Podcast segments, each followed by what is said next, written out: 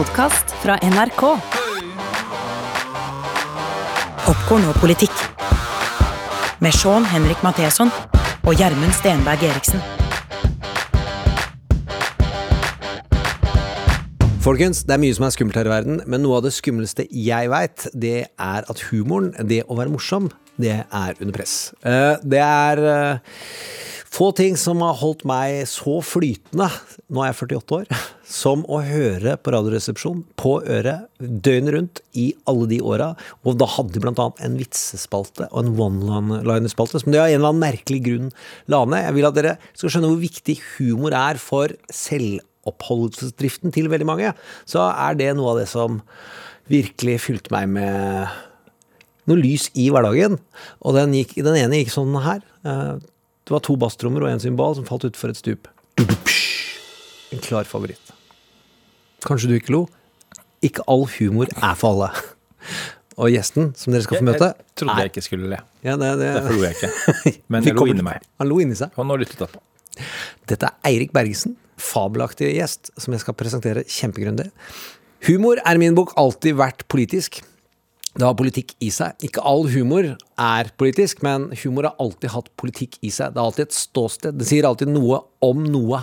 Og vi er en podkast som heter Popkorn og politikk, og i dag skal vi gjøre noe av det jeg har gleda meg mest til i hele verden, nemlig snakke om humor og politikk. For humor er fortelling. Eh, humor er makt. Og hvis du behersker det skikkelig, så gjør du deg nesten uangripelig. Eh, Så er det min tro på at det ikke finnes flere komikere som diktatorer, er at komikere er så gode mennesker at de velger å gjøre noe annet. Og at du er en god sjanse for at hvis du er en veldig god komiker i et diktatur, så er det livsfarlig. Og det er vi tilbake med det at humor er trua om dagen. Humor er trua om dagen. Vi må slutte å plage komikere som lager en vits som ikke treffer deg. Så er det noen hensyn man må ta. øh, Man kan ønske seg, men det er virkelig ikke å pålegge komikeren. Men la oss begynne med Gud.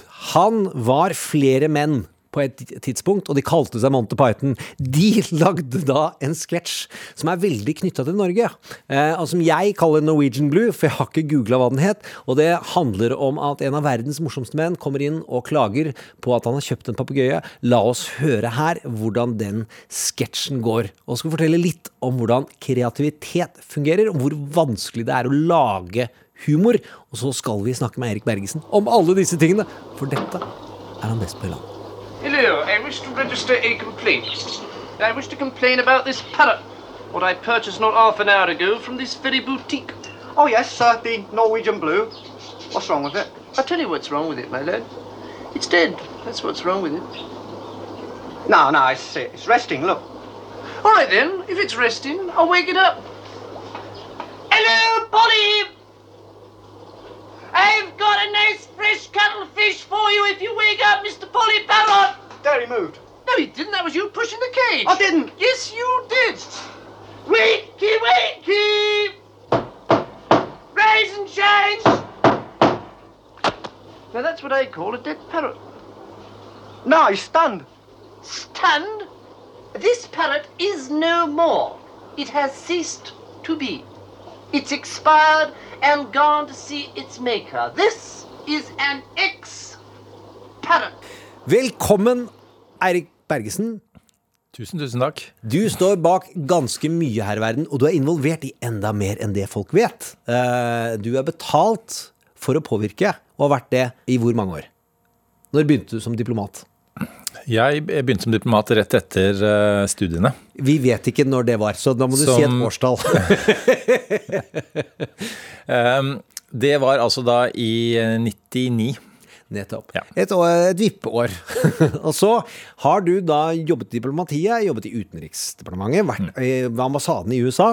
Du har drevet noe som heter All makt, som er noe av det eh, flotteste jeg veit om. Nemlig dere prøvde å ta politisk satire, satt på en scene, og hvor dere brukte dramaturgien som eh, kommer fra USA i forhold til politiske samtaleprogrammer, men lagde noe nytt, lagde noe eget, eller gjorde det til norsk. Jeg var en stolt fan, eh, og vi snakket sammen om det, så det vet du at jeg ment eh, i private sammenhenger også.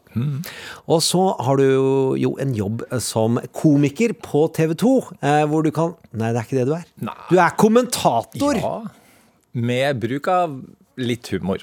Når dere hørte den første uh, sketsjen her, eh, den Norwegian Blue, uh, så var den skrevet av John Cleese og Graham Chapman. Graham Chapman. Jeg er så utrolig dårlig på navn på bortsida av John Cleese. Men uansett, eh, samspillet mellom dem som komikere og som tekstforfattere, for de skriver jo og de jobber utrolig hardt for å få til sine morsomheter. Eh, de fikk til noen sesonger eh, med Monty Python først, og så fikk de mer penger, og da dro de til Spania. Og John Cleese er en hardtarbeidende, grundig Oxford Trent uh, fyr som jobber kanskje som en diplomat. da Eh, Veldig grundig, får oversikt, setter seg ned, jobber igjennom dagen. Mens Chapman han var en ganske glad gutt og ganske innfallsorientert. Men han valgte da å være på fest og konstant bruke både alkohol og dop. eh, Og være ute hele dagen. Og så sa John Cleese at forholdet var da at han satt jo og sutra, var litt klaga, og så han lagd det han mente var en av de beste sketsjene han har skrevet noen gang. Nemlig klage på en brødrister som ikke fungerte. Så kom Chapman inn og sa at den blir legendarisk hvis du bytter det til en blå fugl fra Norge. Det var John Cleese tale ved Chapmans grav, var jo da at det var Chapmans bidrag. Han kom og var utrolig mye mer genial på kortere tid. Uansett, i dag skal det handle om humor og makt. Det er det første vi skal snakke om. Det er eh, det andre vi også må innom. Men nå har jeg ikke rukket å fortelle min Monty Python-anekdote, da. Du, har Altså, du jeg traff Du Michael Palin Ok, det slår meg. Kjør på. på, på en bokhandel i, da jeg var student i Dublin. Studerte politisk filosofi. Michael Palin er da ved siden av Gud John Cleese. Ja, og han hadde, eh, han hadde akkurat skrevet en bok, eh, en roman, sånn tjukk eh, bok, som dermed var i hardback og kostet mye penger. Det hadde ikke jeg råd til, så jeg tok med min Monty Python Sings i, på en pocket hjemmefra, og stilte meg i kø sammen med alle de andre som hadde den nye boka, og fikk han til å signere den, da. Og han tror jeg syntes det var litt sånn søtt at en uh, fattig student ikke hadde råd til boka. Han ble ikke fornærmet over at jeg ikke hadde kjøpt den nye boka. Ja. Uh, men så hadde jeg ett spørsmål på hjertet, som jeg egentlig alltid har lurt på. Og det er, apropos du sa Norwegian Blue, den Ja. papegøyen. Hvorfor synes dere norske ting er så gøy? Hva, ja, fordi hva, hva er det som er så rart med Norge? At det nærmest du bare vil kalle legge på Norwegian da, istedenfor. Han, okay, han endret et brødrister til papegøye. Ja. Veldig gøy. Hvordan kan vi gjøre det enda gøyere? Vi kaller den for en norsk papegøye. Hvor, hvorfor er det gøy? Ikke sant? Og, det, og så spurte han om det, og så sa han, vet du det, og så er de, for det er en av Monty Python-platene som jeg også drev og Ja. hørte på da jeg var ung, sa de om, sånn, om det We are now in the town of Trondheim, where they had the Trondheim Hammer Dance, where the old ladies are being struck in the head every 15 minutes. Eh, with sticks. Og det var sånn her, det var helt meningsløst også, men det er gøy fordi det er Norge. Ja. Og så spør jeg hvorfor det, og så sa han bare altså, det er veldig vanskelig å forklare. Det er blitt en sånn her running gag mellom oss. Norge, at det er noe rart. Det er en Så, så rar greie. utrolig jeg blir rørt. Norge var en running gag Ja. i Monty Python. Det syns jeg er det største som har skjedd. Glem Magnus si- Carlsen og sjakk Ja. og eh, Brasil. eh, Og Ole Gunnar Solskjær. Brasil-Norge. Ole Gunnar Solskjær er too soon. ja, har veldig omsorg for Ole Gunnar. Jeg syns Ja. folk er utrolig harde i, i ordklypa. Eh, greit, det var vanskelig. Han fikk det ikke helt til. Velkommen hjem. Elsker han. Ja. Eh, nå skal jeg si at vi skal handle om humor og makt. Vi skal innom Bidens USA, eh, den delen som han prøver å vinne. Eh, det har skjedd noe denne uka som kanskje kan være en fordel, og så står det litt fast i heisen, eh, det andre eh, som han prøver på.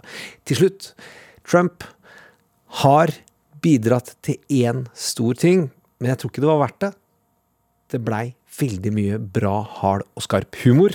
Det må vi også snakke om. Og kanskje Trump kommer tilbake. Og det er faktisk jeg villig til å ofre det humoroppsidene for å slippe. Men det får vi ikke gjort noe med.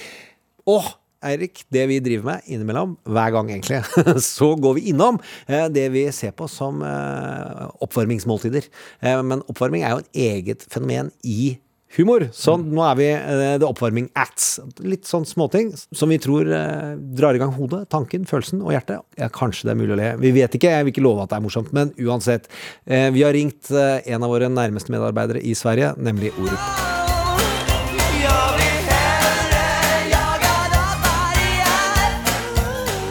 Ja, hvor godt kjent føler du at du ble med den svenske statsministeren? Eh, altså, den eh, ene svenske statsministeren som kom og gikk, Ja. visste jeg at, nærmest at hun var statsminister en gang. For det rakk vi jo ikke. Vi Sju timer! Ja. Vi tar opp denne podkasten på onsdag kveld Ja. fordi det er ferieavvikling, og vi unner Kanonjon og Silje, Supersilje, mer ferie enn noen av våre lyttere. Så glem det. Dette er ferskvare for oss. Det var sju timer! Ja, fordi vi, vi, jeg fikk jo beskjed om å lese meg opp på henne, fordi jeg måtte liksom, liksom pinlig si at jeg ikke kjente godt nok til bakgrunnen hennes, og, og det rakk jeg jo ikke før hun hadde gått av. Nei, men, Så, så, da sitter jeg her like intetanende. Svensk og fint, dette her. Eh, vi unngår de svenskevitsene. eh, men vi sier at her bor det materiale. Dette kunne du klart å lage vitser om. Helt klart, hun, og hun gikk jo kjappere av enn visse norske politikere, for å si det sånn. Som rimer på Hansen. Ja. Greit. Hva sa ni nå, da? Uansett, vi må over til eh, noe mer alvor, men eh, allikevel. Det handler jo om fortelling og symboler og politikk, og hvordan ulike sider som ikke er klassisk statsvitenskapelig virksomhet, har politiske effekter. Og nå har det vært sånn. Det er onsdag. Nå har det kommet hjem to NRK-journalister som satt i fengsel i Qatar fordi de prøvde å drive med avdekkende journalistikk der nede, og ble arrestert, og heldigvis har det gått bra. Hva mener du om sport som symbol? Hvordan fungerer det som storpolitisk symbol? Ja, altså jeg har kastet bort store deler av livet mitt på å prøve å forstå nettopp livet gjennom sportsmetaforer. sånn at jeg, jeg, jeg tror jeg overtenker akkurat dette poenget her. Men eh, i den aktuelle situasjonen nå, så, så er det jo sånn at, eh, at de som sier at eh, vi må ikke blande eh, politikk inn i sporten, ikke marker pride, ikke eh, marker menneskerettigheter osv., de har misforstått. For det er jo da de som er mot pride og menneskerettigheter, som bruker sporten, kjøper seg rett og slett et, et økt omdømme ved at, eh, ved at de da ja, hjelper eh, klubber som Newcastle og, og Paris Saint-Germain osv. Eh, til, til ligaseiere. Det kalles sportswashing, og det ser man stadig mer av. Og, og dette er jo all grunn til å være veldig kritisk eh, til. Veldig, mener jeg. altså. Jeg syns sportswashing, som noen prøvde å kaste etter en eller annen kajakkpadler i Norge som ble sponsa av en eller annen, et eller annet arabisk land, at oi, nå er en innsiktsfull analyse av norsk kajakk. Fotball! Altså verdens største idrett. Alle de engelske lagene vi ser, eies og fungerer som sportswashing. Og hvis man lurer på hvor lenge har vi holdt på med dette, så er det bare å ringe 30-tallet og spørre en fyr som rimer på. Ok, vi skulle ikke nevne krigen, men i hvert fall, det var en fyr, han hadde en liten bart, han lagde et OL, det var i Berlin, jeg har vært på the war. Vi går videre, folkens. Følg med på det her. Utrolig stolt av å jobbe et sted som har den type journalister, og hvordan de foreløpig har blitt eh, tatt imot hjem igjen. Rett under komikere så har jeg modige journalister. Og jeg definerer meg selv som ingen av dem.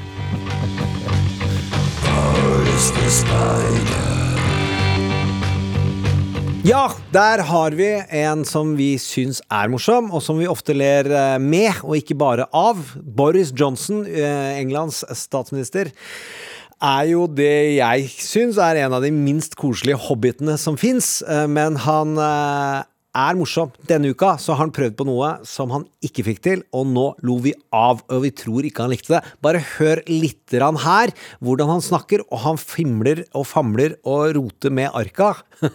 sånn som Silje Kopp klipper bort når jeg holder på med. Men nå er ikke jeg statsminister, og det er ikke finanseliten i England som sitter og hører på. Eh, til slutt så begynner han å snakke om Peppa the Pig. Dette er flaut, altså.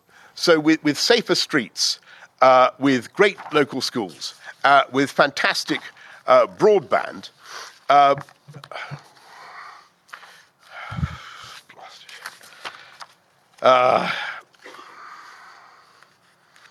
forgive me. Forgive me.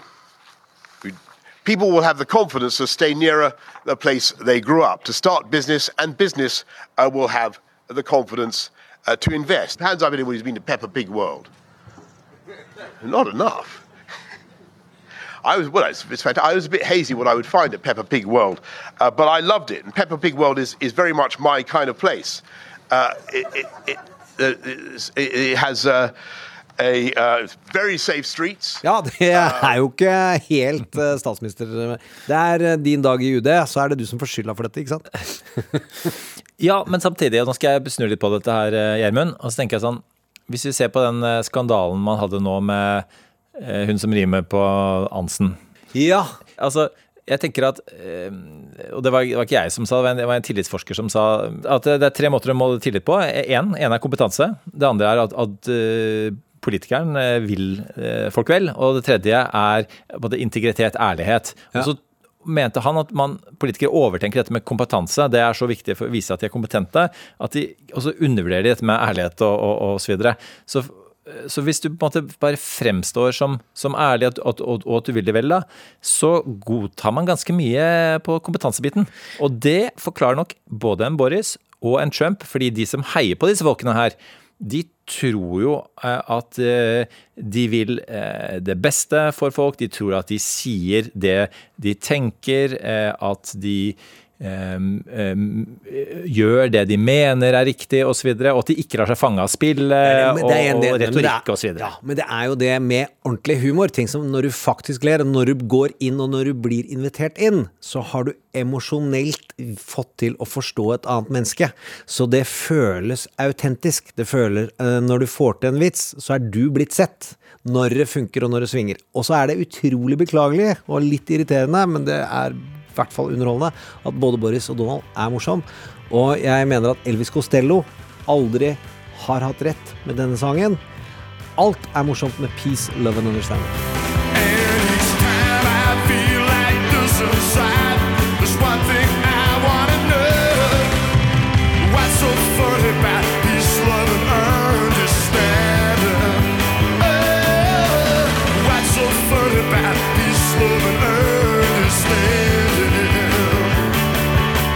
Nå skal vi snakke om humor og makt, og hvordan det virkelig fungerer. Og det som bekymrer meg eh, egentlig ikke, fordi du har fått møte konsulentbransjen som rådgir strateger og strategier og politikere, og de har sagt at humor er et virkemiddel de må ligge unna. Ja, altså for jeg, jeg jobba en del i UD med, med taleskriving, da. Um, og, og, så da jeg var også innom så vidt i en av permisjonene mine å, i et eh, konsulentselskap som heter Børsen Marsteller, med, å, med å rett og slett begge steder eh, få folk til å tro eh, at noe er bedre, høres bedre ut enn det det egentlig er. Mm. Som er PR. Ja. Og, og, og, da er, står det sånn, på første side, øverst i alle manualer, det står humor og følelser er kjempefarlig, hold deg unna det.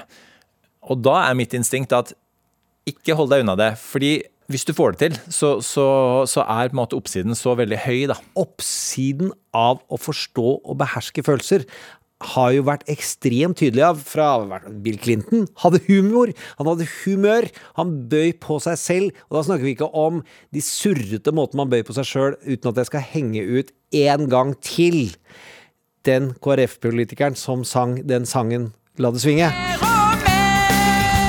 Men Bill Clinton kom inn og spilte saksofon. Eh, og han var cool, og han hadde ordentlig humør i eh, framstillingen av seg selv. George Bush Husker du noen av ganger hvor han var morsom? Ja, that, that, was some uh, crazy shit, var det ikke det han sa da? Det sa han til Michelle Obama. Michelle Obama er veldig glad i Bush. De setter ja. seg ved siden av hverandre frivillig. Det, de er venner. Og dette skjedde da under, eh, altså etter Trumps innsettelse. Ja, jeg, hørt, men hørt den, under eh, presidentperioden så, også, så har han one-linere, og han har kule kommentarer ja. som selvsagt bygger relasjon til det brede Amerika. Han og, viser at han skjønner dem. Og Al Gore hadde ikke det, som, eh, som stilte mot han første gangen. Og, og det ble jo sagt liksom, hva er forskjellen på Al Gore og en sikkerhetsvakt? Og det er at du den er den lille proppen i øret. Ikke sant? Sånn at, han, ja. han var jo en stiv fyr. Utad og bomma og tapte valget. For han er visst morsom. Vi har taleskriveren til Al Gore. For det, altså, det, er vår mest brukte gjest. Så han sier at Al Gore har humor. Og jeg har sett også gamle klipp av Al Gore eh, fra hvor han ikke er på TV. Eh, så ja, fordi, fordi, jeg tenker, altså, altså Den hellige graden for en politiker da, nå, nå, Om dagen jobber jeg mest med disse politikerne. og, og det, det er jo at de og Det er sånn som ikke står i PR-håndbøker, men på en måte hvis du, du, de skal jo på en måte være personer. Ja. Så lenge du klarer å fremstå som en person, om du stotrer eller stammer, har på den typen dress, har med de eh, slagordene eh, eller de, de tidsriktige begrepene, det er ikke så farlig. Du, du, du blir lyttet til allikevel. Um, og det er det, det er, eh, men så er jo det samtidig veldig vanskelig å gjøre hver eneste dag dagen lang. og Derfor har du en PR-bransje og kommunikasjonsbransje. Det er gode grunner til det. Men, mm. men til syvende og sist så, så, handler det om å gjenskape det som skjer når han litt småfulle onkelen reiser seg i et bryllup og snakker rett fra hjertet, og alle smelter. Ikke sant? Ja, ja, ja, og det klarer ikke han å gjøre. Neste gang driter han seg ut. Eh, men, men, men, men det er den greia der, og, og, det må, og det er, det er humor et godt virkemiddel. Eh, for det er jo sånn at altså, humor er jo vårt første språk. Det var antageligvis det vi holdt på med lenge før ordene kom. Hvis du klarer, hvis du snakker veldig dårlig Jeg har vært i mange land hvor jeg har vært i ferd med å prøve å lære språket. Ja. og da går, da går man jo til humor først, og da klarer man å skape, om det er fysisk humor eller, eller hva, hva det er for noe, en type sånn gjenkjennelse av en situasjon, så, så er, er jo det veldig kommunikativt. Så, så det, alle politikere bør vite at eh, det er, eh, er et godt redskap å ha med seg i verktøykassen. Amerikanske strateger og amerikanske valgkampmennesker, og egentlig amerikansk eh, tekstforfatteri for TV, drama, film og komikk, har alltid visst dette. Hvis du ser på film og TV-serier, hvordan du eh, ofte prøver å få til et litt pinlig øyeblikk for hovedkarakterene ganske tidlig i episodene, så er det det som skaper identifikasjon. Der ville jeg også blitt flau. Der ville jeg også ledd. Dette er en veldig viktig del av håndverket, og hvordan de omtaler det. Så jeg I would like an honest moment from you. Du vil se ditt ekte ansikt, og det gjør vi når vi ler på ekte, eller når vi smiler på ekte, eller får fram det. Der er det et håndverk som anerkjennes og respekteres, og så er det jo heldigvis sånn at det er en god del mennesker som du ikke kan trene opp til å være morsomme. Så det er ikke alle som får brukt virkemidlet. Joe Biden, hva vil du si om hans humor? Altså, han, han, har eh, Han konkurrerte mot eh, Donald Trump, som jo er Og, og dette har jeg spurt eh, Tove Bjørgaas fra NRK og Heidi Takstad Skjeseth fra NRK um, en gang jeg intervjuet de om hva- er det vi ikke vet ved Donald Trump, dere som har sett han live. Og det de begge sa, var at han er morsom. Det er Han en standup. Han er faktisk morsom. Og ikke minst, og det er egentlig helt irrelevant om, om sånne som ikke ville stemt på han, syns han ikke er morsom. fordi Velgerne hans syns han er morsom, og de som ikke vil stemme på han, syns han er veldig dystopisk og negativ. videre. Velgerne hans syns han er kjempepositiv og optimistisk. Altså, hvordan, eh, Hva gjør du med, med radikal muslimsk terror? Du har innreiseforbud mot muslimer. Hvordan holder du meksikanerne ute? Du bygger en mur. Kjempeenkle løsninger, ikke sant? Eh, Som, som istedenfor å sette ned mange eh, komiteer og evaluere osv. Så, videre. Så, sånn at man, nøkkelen med å forstå Donald Trump er jo å, å forstå velgerne hans. Hva er det de er ute etter? Og er det noen som forstår velgerne til Donald Trump, så er det Donald Trump. Han får hele stadioner til å le og klappe ordentlig, altså. Og da har han fått til vitsen. Eh, Så, sånn sett så måler ikke Biden seg, seg med, med Trump, samtidig som han har en, på en, sånn omgjengelighet. altså eh, Ordinary Joe, ikke sant. Han har en sånn omgjengelighet som, som Han er en historieforteller som, eh, som klarer å få opp humøret. Så han er jo ikke en ha-ha-vitsforteller, men han er en veldig sånn aha-historieforteller. Eh, det er bare å google altså Gå på YouTube og se på Biden Funny Moment, så han får det til. Ikke de videoene hvor han blir gammel, sover, gjør ditt og datt og dutt. Og han, han som, som Trump, og som Boris for så vidt, gjør tabber. Men det å gjøre tabber er ikke så farlig. Fordi eh, og, Internett er jo full av tabbene til, til Biden. Men det også er med, med å fremstille seg litt menneskelig. Og så er det det at han faktisk våger. Og våre venner i eh, Pod Save America de hadde deres analyse da Trump vant valget. Ja. Eh, var hvorfor vant han? Jo, fordi han skåret på, på, på to viktige ting. Nemlig én, du må være comfortable in your own skin. altså Du må Ja. tro på prosjektet ditt. Du må, du må kjenne igjen deg selv på en sånn politisk scene. Og nummer to, eh, du må ikke være redd for å tape. Og det var jo eh, altså Ingen av delene var, var det, eh, Hillary Clinton. Hillary er i voldsom minus på de to er hennes største svakheter i verden. Hun er, finnes jo knapt ekte i når kameraene er på, når hun er den, og så er det jo, sier alle kilder at hvis når døra er lukka og journalisten er ute, så er det jo utrolig morsom å være sammen og at hun er iskald, har faktisk vulgær og drøy humor. Eh, men det Men hun er redd, da, for å risikere for mye. Hun er en av de mest omgjengelige personene jeg har noen gang truffet. For jeg har fått Har du, har du truffet alle i dag?! jeg intervjuet henne en gang. Så moro! Ja, veldig, veldig, helt fantastisk. Jeg eh, satt og tenkte på to ting. Ikke mist den mikrofonen, for jeg var så nervøs. Og to, at den utrolig omgjengelige og smarte personen som hadde lest seg opp på norsk likestillingslover eh, og nordiske, ikke var president i USA, er helt utrolig. Men, men også satt jeg også og tenkte hvorfor kom ikke alt dette gjennom på, på TV? Og det er litt for at hun oppfatter sin rolle som politiker eh, som noe annet enn alle de tingene hun er bak scenen. Og, og det er altså en av grunnene til at eh, når vi har eh, vårt program på en annen kanal, da eh, det som da skjer, er at eh, vi spør de Kan dere ikke bare snakke om dette som om dere står i baren Arendalsuka eller et hvilket som helst politisk eh, møte. For det er jo da de gode praten kommer. Og det handler ikke bare om alkoholen, det handler om at da, da slipper de eh, skuldrene ned, og da snakker de som mennesker. Mens når de kommer med tipunkts eh, talelista si i studio, så, så er det jo ikke lenger mennesker, da er det jo en slags sånn talepunktroboter. Og det er, er verken spennende å høre på eller særlig politisk. Vi må snakke om den mørke siden, veldig kort, eh, og så snakke om da oppsiden ved den mørke siden. Da snakker vi om eh, det som framstiller seg som nyheter, eh, nemlig Fox News. De er ikke helt det lenger. Nå syns jo jeg at man skal omtale dem som en propagandamaskin. Mange grunner til det. Det var en forferdelig dokumentar forrige uke, som, nei, for to uker siden, som Tucker Carlsen kom, og hvor han framstiller det som om det er FBI som storma Capitol Hill 6. januar.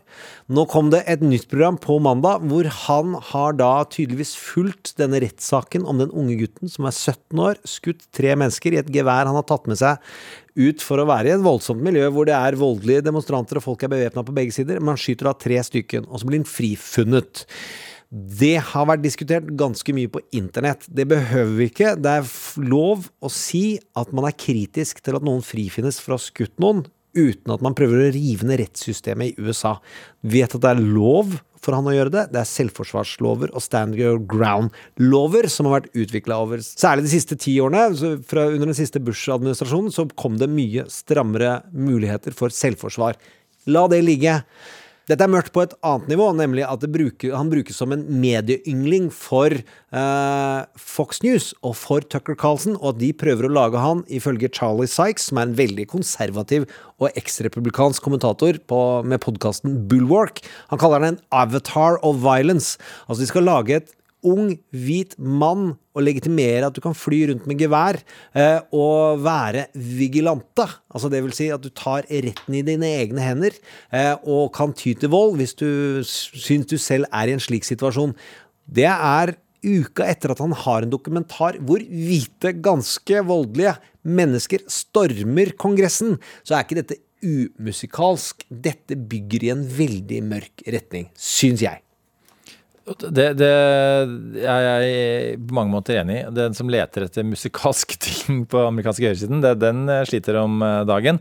Men det, og det er på en måte sånn derre Altså, USA har altså den beste, sånn mest sånn velmente forsøket på å forklare den enorme polariseringen i USA, eh, og på en måte den skremmende eh, båssettingen jeg forstår at begge sider holder på med, den eh, fikk jeg fra en, eh, en som jobber på amerikanske ambassaden, som, som jeg hadde kaffe med en dag, som sa, sier at eh, vi må se på USA som sånn, et middagsselskap i familien, eh, hvor man på en måte er rykende uenig for, for, eh, eh, med hverandre og diskuterer fram og tilbake, og så sitter man og ser gjennom et åpent vindu hva som skjer. Mm. Eh, Og det er liksom amerikansk politikk her. Altså, de er på en måte ikke flaue over å, å være så rykende uenige, da. Altså, mens i Norge er så er vi litt for konsensusorienterte. Ja, Der- da har du vært på de festene jeg er på. ja, og, og, og, åpenbart. Jeg har vært på diplomatmottagelser. Ja, eh, Altfor mange av de. Men nei, altså, sånn, så jeg, jeg tror på, altså, det er det forsonende. Eh, og det som er synd, er på at man ender opp med å så, eh, bli plassert i bås, og man, man, eh, man må, må ta side i enhver sak. Altså Enten er han eh, Men Fox News, der er det ikke snakk om side lenger. Der syns jo jeg de går jo da eh, De drar jo tanken, følelsen og den amerikanske seer som konsumerer bare Fox News, eh, i vekk fra demokratiet. De jobber jo for de autoritære kreftene i det republikanske partiet. Så skal ikke vi debattere det her nå, men grunnen til å snakke om Fox News i dag er jo at en ting de ga oss, mener jeg, er den store, moderne politiske TV-satiren. Er du enig i det? Ja, ehm, det er jeg enig i. Kommentatorene, som er sånn såkalte opinion anchors, som, som er som, som, showmenneskene på kveldstid, som er som er Tucker Carlson og er er, Hannity og Ja. Laura Ingram. Ja. Uh, og de har ideologisk eh, funderte, men aller høyst kommersielle strategier med hva de gjør. Det er en del av. Rupert Murdochs politiske prosjekt, eh, nemlig å styrke høyresiden. Men nå må vi snakke om disse satirikerne. Ja. Daily Show hadde aldri vært morsom uten disse Fox-folka. Eller jo, det hadde de. De hadde klart det. Herregud, det er jo humorguder. Men det hadde ikke vært så morsomt. Nei, og, og det er klart, man må jo ha på en naturlig fiende å, å spøke med, da. Eh, jeg, jeg tror på en måte det, det var altså helt klart. eh, Og, og det er Um, altså John Stewart, mye av humoren gikk jo på uh, å se på Fox News-innslag og bare reagere uh, fysisk eh, på det. Hva i all verden er det som uh, her skjer? Eh, og altså Den store tragedien, bare for å, for å si det, i amerikansk satire, er jo at John Stewart gikk av eh, før eh, Donald Trump ble valgt. De hadde gjort utrolig mye når han, når han drev med denne Barack Obama er muslim-påstanden. Den første big lie som han, ga hans politiske karriere, hadde de vridd mye ut av. Men de hadde jo ikke forestilt seg at han skulle stille på ordentlig og vinne. Nei, og det var, det var jo en av grunnene til at han hadde så stor framgang så tidlig, at han ble ikke tatt på alvor. Mm. Det var eh, bare underholdningsjournalister som var til stede da han kom ned den gullfylte trappa eh, til Og tonene alle av skuespillerne eh, som han hadde leid for å virke som tilhengere, og til å applaudere. Folk Keep on rocking Rockin' the. Free World av uh, Neil Young. eh, som som eh, ga lyd til det arrangementet. Nei, og, og så, så var det nesten litt for seint når han først hadde fått eh, momentum. Men så kan man jo snu på det også, da, Gjermund, og, og se at, eh, at eh, det at um, en, en type ja, intelligensia, Hollywood-elite, kulturfolk tulla så fælt med Donald Trump, klarte han å få det til å høres ut som de tuller med deg, den lille mannen. Og, og, og det er klart at det, For det, det er jo det som er på en måte the greatest trick the devil pulled. Eh, ikke sant? Da er vi litt, litt inne i, i uh... Usual Suspects-filmreferanse, som er veldig referanse tilbake til lord Byron, som sa det uh, at the greatest the trick the devil ever pulled was to convince the world he didn't exist. Nettopp, og det er det Donald Trump gjør. Fordi at eh, Trump eh, er jo en mann som har tjent masse penger, blitt kjemperik på å bygge gullbelagte bygninger med navnet sitt på toppen. Altså, Trump får deg til å tro at han ikke er en elitist. Trump får deg til å tro at han er folkelig. Han er jo den mest elitistiske av dem alle. Han er fina global Ja, finanselite. Han er alt. Men en fantastisk han retoriker, kanskje ikke er så rik som du sier, men det, det, det, Det- vi- kan du si. Det, det går videre med. Eh, men eh, det er det han Det er jo det trikset han eh, klarer å komme unna med. Eh, Med andre ord en veldig god eh, retoriker. Veldig god retoriker. Trump er et lerret man kan bleke på så veldig mange måter. Og det er jo det, hvis du som politiker klarer det, som folk kan se veldig mange ting i deg. De kan se deg som en forkjemper for ditt og en forkjemper for datt. eh, Så når du fram til ganske mange velgere, og det er litt eh, det Trump Da vil jeg ringe min gode gamle professor Knut Aukrust, som ikke er den Aukrust, men en annen Aukrust, nemlig en professor i nettopp Lærende læren om hvordan eh, symboler fungerer. Og han sa den største egenskapen ved de største symbolene er at vi kan legge de meningene vi ønsker og vil inn i dem, og speile de tilbake på oss selv. Så det har Trump også fått til. Så er han jo verdens største løgner gjennom tidene, rent objektivt, i hvordan man måler og veier løgner.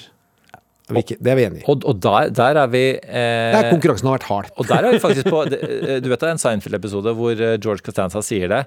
It's not a lie if you believe it. Jerry, just remember it's not a lie if you believe it. Og det vi jo erfarte nå, Gjermund, var jo at eh, humoren, satirikerne, til og med mange år før Donald Trump, sa det alt man trenger å vite om eh, Donald Trump.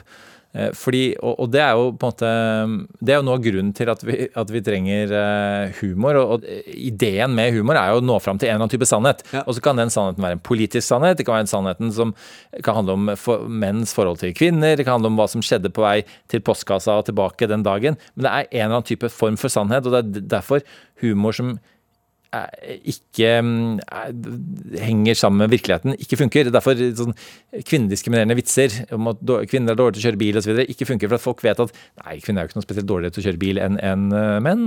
Ikke sant? Så det, derfor tror jeg også at eh, eh, uten at vi skal åpne woke-diskusjonen akkurat her, så, så, så tenker jeg at, at all humor handler om en eller annen type søken etter sannhet. Seinfeld eh, oppdaget det her. Det, det fremste sånn, utfordringen humor hadde i USA, eller ironigenerasjonen, som vi Ja. begge tilhører, var jo da 9-11 skjedde. Fordi det som da skjer, er jo at redaktøren i uh, Time Magazine den gangen, Roger Rosenblatt, skriver altså en leder som heter End of Irony.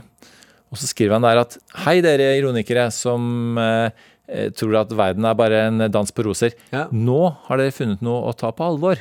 Nemlig det som, det som, den, det, det som skjedde, og, og trusselen fra Utrolig humørløs. Og da mener jeg livsfarlig Veldig. humørløs. Veldig, og, og så kunne man tenke seg, hadde han, der, hadde han rett eller ikke?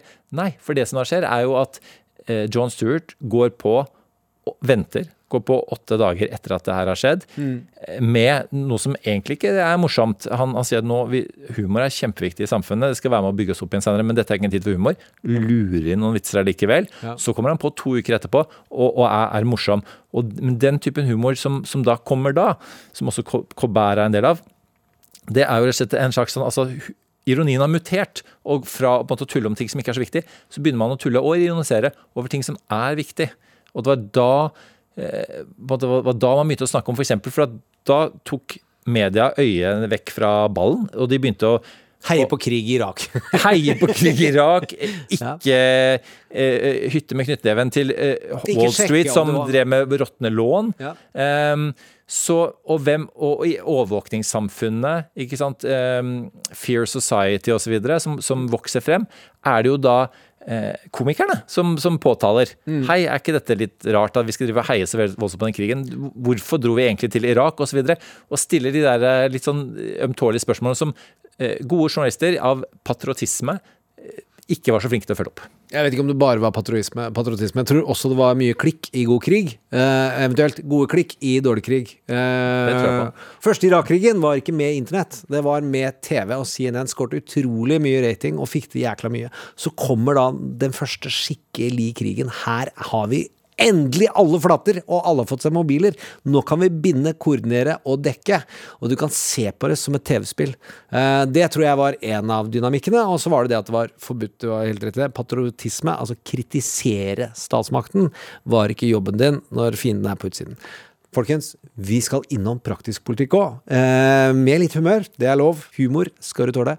Denne sangen er det Silje som har valgt, eh, og det er en av mange grunner til at folk har starta en egen Facebook-side som heter Popkorn og politikk, som er fandrevet. Eh, og det er mest fordi at Silje velger så fantastisk musikk. Gå inn der. Og så skal vi legge ut fantastiske klipp av der komikerne ble alvorlige, og så er det noe humør i det allikevel. Så skal vi finne John Stewart, der han gjorde det. Skal vi ta fram Stephen Colbert, hvordan han reagerte 6. januar i år, da alle annonsørene forlot programmet hans fordi de var redd for vitsen han skulle fortelle. Tenk dere det, folkens. Når eh, demokratiet rakner, så tar disse feige annonsørene og tar bort pengene fra TV-sendingen der komikeren står. Dette er ett av symptomene på at humoren er trua. Skal jeg legge ut og vise dere. Det var viktig. Det føltes godt, og det var noe humør i det han sa. Men han var Funkeren snyter meg ærlig, altså.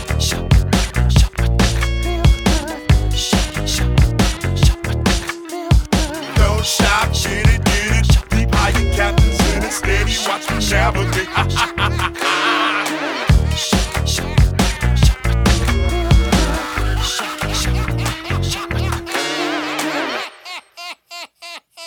Build Back Better! Det høres ut som en uh, såpeselger fra eh, 60-tallet, og det var jo det som forma Joe Bidens måte å presentere politikk på, sikkert, på 70-tallet. Uansett. Joe Biden har ikke hatt verdens beste oppløpsside fra august til nå. Det har vi gått gjennom før, du kan høre på de andre episodene. Men det som har, liksom har vært hans store to prosjekter Den ene ble kalt Infrastrukturpakken, og den ble vedtatt forrige uke. Det er 1,2 billioner dollar. Det er mye penger, og det er den største infrastrukturpakken, men det er ikke sikkert det snur humøret. Og så har han én pakke til, som er full av veldig mye rart. Altså veldig populære politiske løsninger. Den kalles Build Back Better.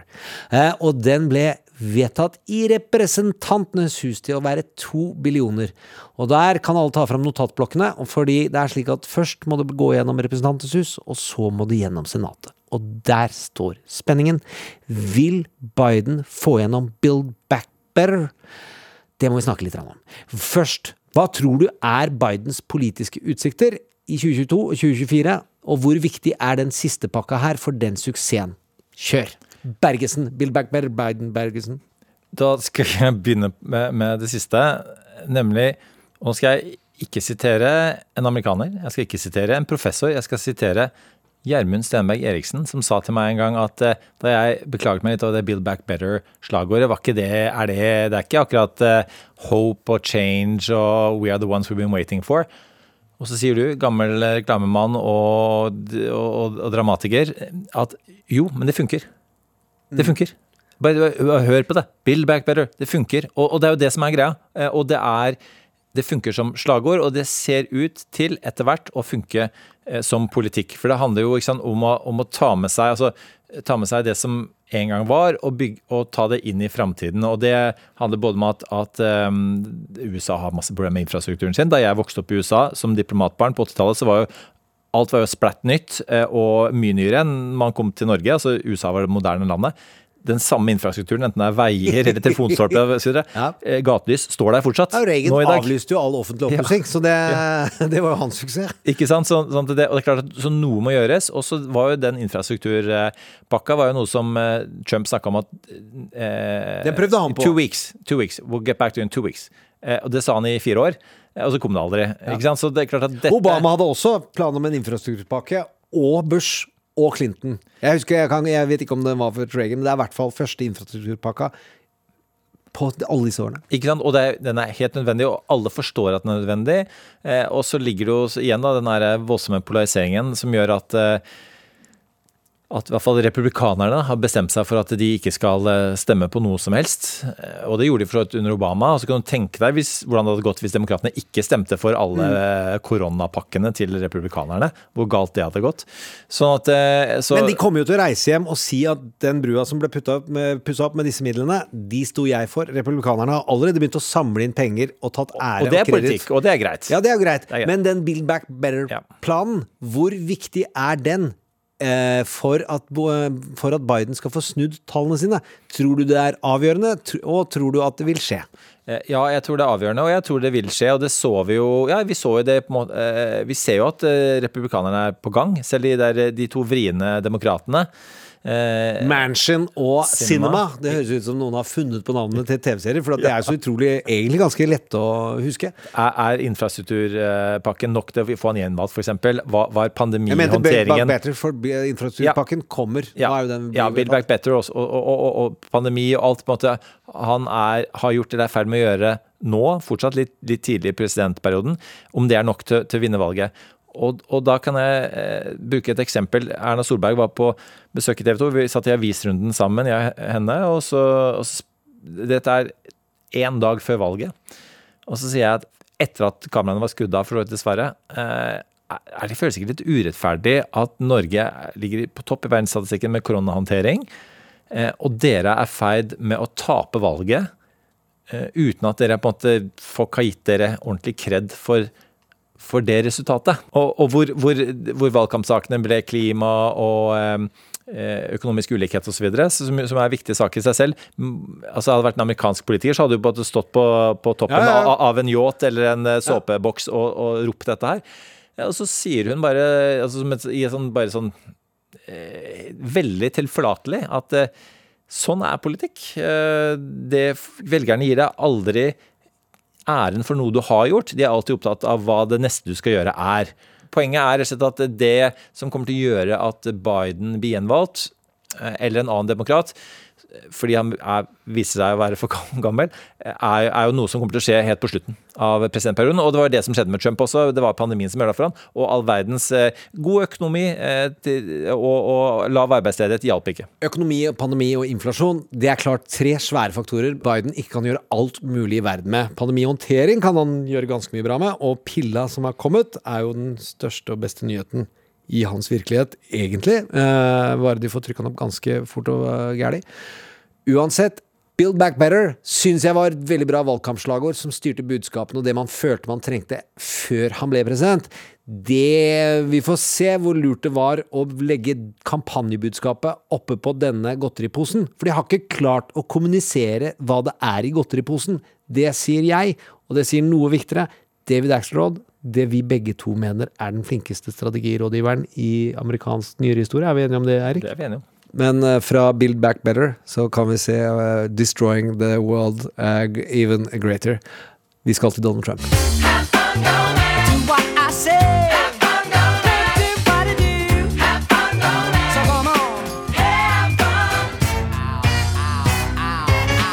Veldig viktig å presisere. Du er en av de som følger eh, på vegne av det norske folk amerikansk politikk tettest. Eh, og som da blir bedt om å spå oftest. og det er en favorittøvelse for eh, folk som stiller sånn som deg, kommentatorer, til veggs. Det er ikke alltid behagelig, men nå må du prøve. Vil Trump stille til valg i 2024? Altså, meningsmålingene nå, hvorfor er det nå sånn at de viser at Donald Trump kommer til å vinne i valget? Og det er jo for at han, er, eh, han har en type gjenkjennelighet, han har alt det med personligheten sin som vi var innom, som velgerne hans fortsatt liker, selv om andre ikke liker det. Og så har, har han på en måte eh, klart å selge inn the big lie om at eh, disse som stormet Kongressen, mm. det var ikke så ille allikevel. Og det er det jo et, et stort eh, flertall av republikanske velgere som nå mener. For du må vinne primarisen for å bli kandidat i Det republikanske parti. Så han må, trenger bare å være best i Det republikanske partiet for å bli presidentkandidaten. Ja, og det er ikke sikkert det, det, det er helt enkelt heller, for den saks skyld. Og, og, men en ting vi kan si med jeg tipper en 100 eh, ja, La oss si 99, da. Bare for å I tilfelle noen har, kommer tilbake til dette her om eh, noen år. Eh, kommer til å skje, er at eh, en trumpist kommer til å vinne valget så, hos republikanerne. Så det blir enten Donald Trump eller det blir en som tilhører Trump-leiren. Og da tenker jeg at vi er sånn på Ron DeSantis, eh, guvernør i Florida, som jo er både bedre utdannet, eh, sterkere tilk- tilknytning til militæret, vanskelig å unngå, enn Trump, eh, og, og flinke til å prate, og som man klarer å, å på en måte snakke med både begge sider av, um, av munnen, eh, og dermed ender opp med, med å ikke frastøte seg Trump-velgerne, og samtidig gjøre de moderate republikanerne som ikke liker Trump. Det blir fantastisk hvis det blir det. For, da, for å minne lytterne på, da han som stilte opp i reklamefilm med Han lanserte seg selv som guvernørkandidat ved å ha en Trump-baby og snakket inn og være den som elsket Trump mest tidligst. Så det er. Jo, jo, det er, det er den drøyeste reklamefilmen du har sett. For han var mer Trump enn noen andre. Eh, Med andre ord en person som ikke er redd for å tape. Ja, jeg tror kanskje han stiller. Det går på helse, tror jeg. Noen nå prøver mange å plante narrativet om at Trump kanskje ikke stiller igjen, selv om det var veldig vanlig å tro at han ville stille for en måned siden. Grunnen er jo egoet og penger. Det er de to største drivkreftene i Donald, er mer Donald og mer penger til Donald. Og da er det noen som sier at han tåler ikke å tape. Det er faktisk ikke så det er bare å se på historiske data. Fyren har risikert og tapt utrolig mange ganger! Så det er feil analyse. Så tror jeg det går på helsa. God sjanse for, i den alderen han har, med den livsstilen han har, at det der står seg ikke. Og der tror jeg han tar inn objektiv informasjon, så lenge han ikke får steroider. Det fikk han jo under koronabehandlingen. Da gikk det av skaftet. Så vi får se. Jeg frykter at uh, han stiller, uh, men som Ann Applebaum, som vi har intervjua, gå tilbake i podkartoteket, folkens, to uker siden. Oppsiktsvekkende booking. Altså, Altså, Stjernebooking. Da fikk jeg Hillary Clinton-følelsen. Altså, jeg har ikke vært grunn. så nervøs noen gang. Men, men du, du, er, du er helt rett Gjermund. Altså, Trump er ikke redd for å tape. Han har jo gått konkurs tre ganger med kasino. Altså, hvem er det som går konkurs med kasino? Altså, the house always wins. Han har jo tapt mer penger enn noen amerikaner på, altså på 90-tallet. Så ble, fant jo alle listene, han har tatt 10% av alle personlige tap blant alle amerikanere som var loggført i skattevesenet. Go! Eh, Og hvordan er det Donald Trump tjener pengene sine? Jo, det er på å være president og å si at han skal være president. Altså både eh, før, altså begge, eh, fram til begge valgene som har vært nå, og fram til det valget som kanskje kommer, kanskje ikke, så tjener han masse penger på det. Så, så det, på en måte er det foreløpig er det helt irrelevant for Trump. Så han, så lenge han tjener penger på å, å late som han er presidentkandidat, så funker det jo det kjempefint. Han har masse gjeld han eh, skal slette, og det hjelper veldig. Og jeg har jo ikke den samme kommentatorrollen som du har i TV. NRK3. på denne alternative kanalen. Eh, så jeg kan jo media, si at jeg håper ikke han stiller. Jeg håper jeg har feil, men jeg tror han gjør det foreløpig. Altså, Så jeg- her kan det endre seg ganske fort. Altså, jeg, noen tror kanskje noen at jeg håper han stiller fordi at eh, fordi at det blir mye spennende journalistikk av det. Og det, det er jo viktig. Jeg, jeg, man, man satt jo og lurte på Er det sånn at vi eh, si, tjener penger på Donald Trump eh, sitt navn, eller er det altså, sånn at vi beskytter vestlig sivilisasjon slik vi kjenner det? Og Kanskje er det, er det en blanding der, men journalistisk ble det jo veldig spennende, og alle de tingene vi advarte mot, skjedde jo. På samme måte som Fox News ga oss den moderne politiske satiren, så har Donald Trump gitt oss en god innsikt i ekstreme små detaljer i det demokratiske system. Altså detaljer som du virkelig skal se West Wing som er en veldig populær TV-serie, men som ikke mange ser om igjen og om igjen, som vi gjør, hvor det blir kjemperelevant. Og hvor, eh, hvor sære politiske fenomener blir brennaktuelle, og ting som de sikkert heiv i skuffen, for det kommer aldri til å skje. Det vil ingen bry seg om. Hvem som skal godkjenne valgresultatet etter at en president er valgt. Hvordan skal man lage drama av noe sånt? Jo, det er jo å faktisk prøve på statskupp.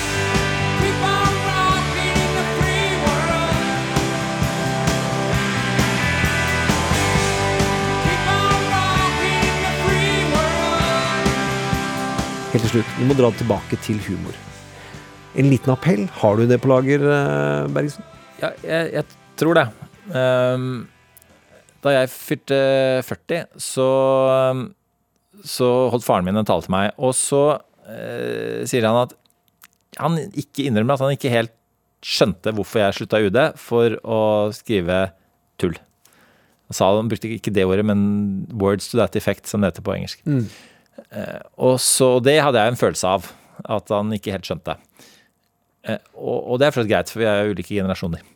Eh, men, eh, men så sier han at eh, det jeg skjønner at du Moren din skjønner det, og det holder egentlig for meg. Pluss at eh, jeg skjønner at du blomstrer ved å gjøre det. Og da, det var veldig godt for meg å høre. Eh, både fordi at jeg hadde lurt veldig på det, eh, og jeg tror nok han også lette etter en inngang til å forstå. Og han hadde funnet det. Eh, og så viste det seg dessverre at han var syk allerede da. Det visste vi ikke. Og, og døde noen måneder seinere. Og det at jeg fikk med meg det, hadde veldig mye å si. Fordi Og da på en måte delegerte han litt ansvaret til meg, da. Å forfølge eh, dette. Og det er jo litt det jeg gjør, da. Jeg vet, jeg vet som frilanser, jeg vet jo egentlig ikke hva jeg skal gjøre neste måned engang. er Litt men- stressende for begge oss to. det er det. Og så tenker jeg at eh, men, men det må være gøy, det jeg holder på med. Prosjektet må være gøy, og det kan være gøy på forskjellige måter. Det, det må være vitsete, men det kan være gøy å jobbe med, med gøye folk osv. Gøy å sitte her. Eh, sånn at eh, så det, Og det, og så tenker jeg at et eller annet inni meg passer på at det er, eh, har en sånn samfunnsverdi, da. Mm. men det å bare gjøre det som virker gøy, viser seg å funke ganske bra. Og da skal jeg trekke fram et, et eksempel fra, fra mm, kulturen, og det er We for Vendetta, som er både grafisk roman og en film.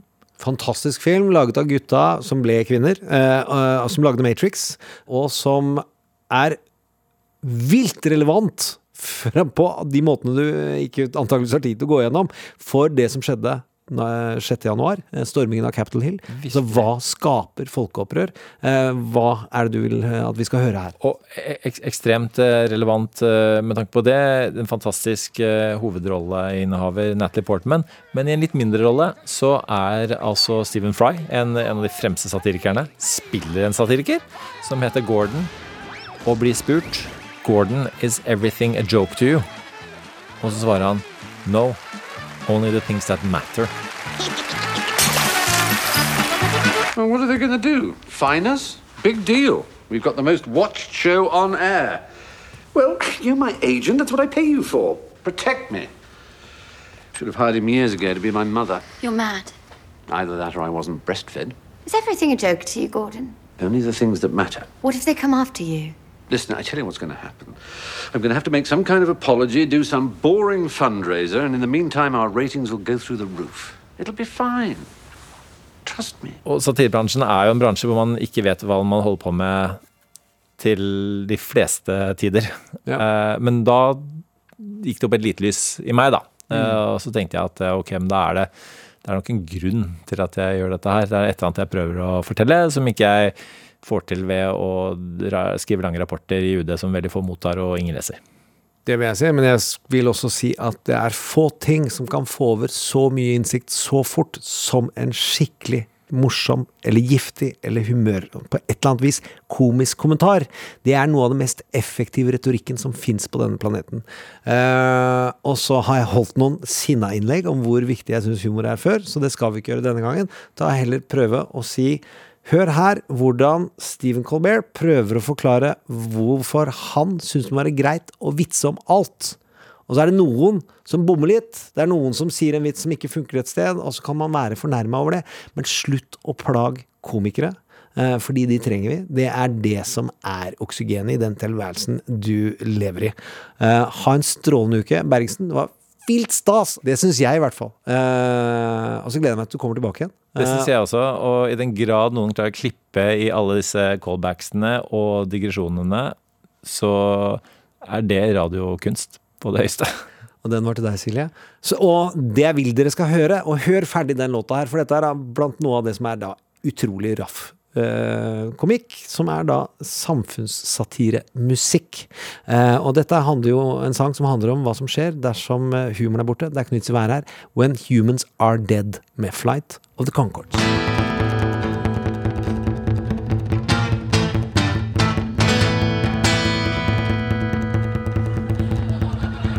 It is the distant future, the year 2000.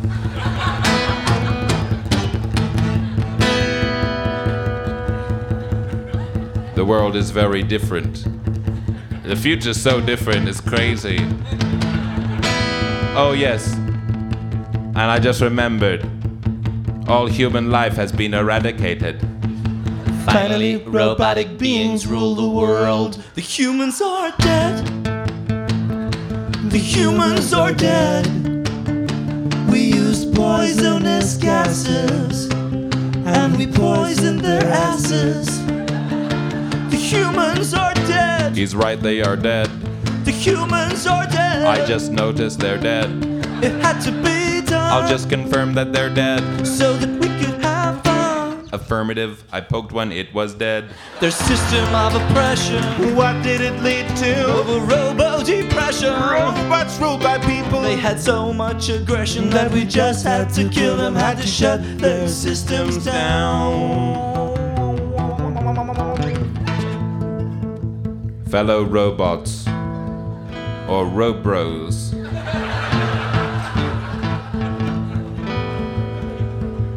What we have done is wrong. By destroying the humans because of their destructive capabilities and tendencies, we too have been. Well, it was kind of ironic. Who said that?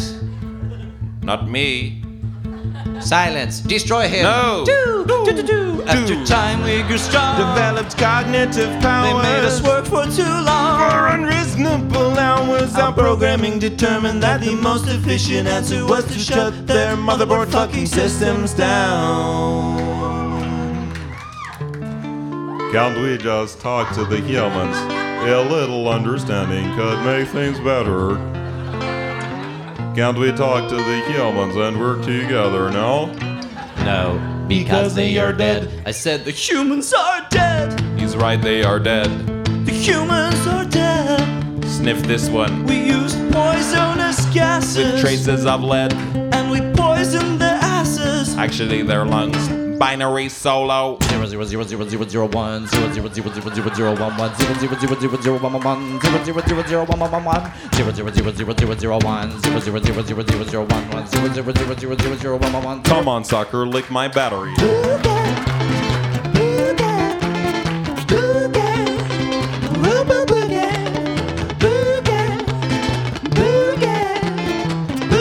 The humans are. Humans are dead. Once again, without emotion, the humans are dead, dead, dead, dead, dead, dead, dead. Do.